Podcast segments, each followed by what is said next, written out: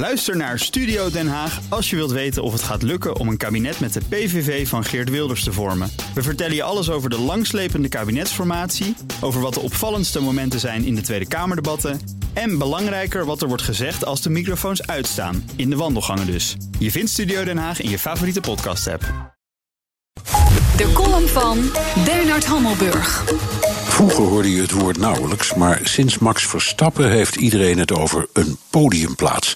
Dat is, zoals elke topsporter je kan vertellen, een eufemisme voor verliezen, want alleen goud telt. De partijen van politici met de grote monden, Le Pen, Farage, Baudet, Salvini, Kaczynski, hebben bij de Europese verkiezingen wel een hoop herrie gemaakt en de anti-Europese overwinning voorspeld, maar ze haalden geen podiumplaats.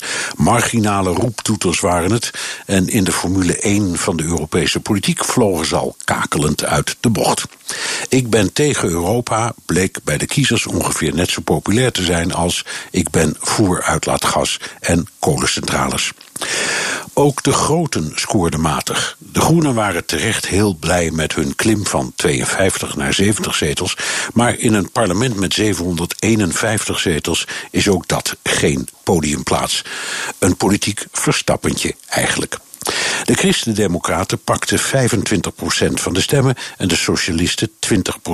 Hun slechtste prestatie sinds de Europese verkiezingen in 1979 begonnen. Driekwart van zijn eigen Duitse volk heeft nooit van Manfred Weber gehoord. Voor Frans Timmermans lag dat anders. Iedere Nederlander weet wie hij is, maar bezuiden en ten oosten van Heerlen greep hij mis. Het liberale ALDE, het onderkomen van onder meer de VVD en D66, meent aanspraak te maken op een podiumplaats, maar dat heeft zijn winst voornamelijk te danken aan de aansluiting van En Marche, van de blunderende Franse president Macron, die een heleboel dingen niet blijkt te zijn, waaronder liberaal.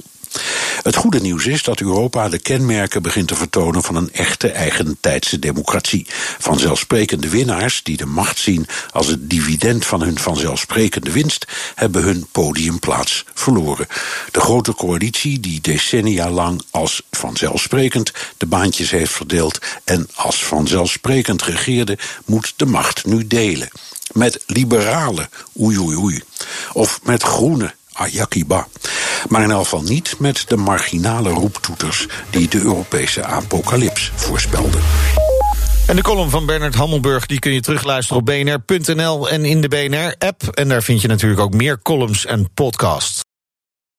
Ook Hugo Reitsma vind je in de BNR-app. Superhandig die BNR-app. Je kunt alle programma's live luisteren, breaking nieuwsmeldingen. Je blijft op de hoogte van het laatste zakelijke nieuws. En je vindt er alle BNR-podcasts, waaronder natuurlijk de belangrijkste, Boeken zijn in de wijk. Download nu de gratis BNR-app en blijf scherp.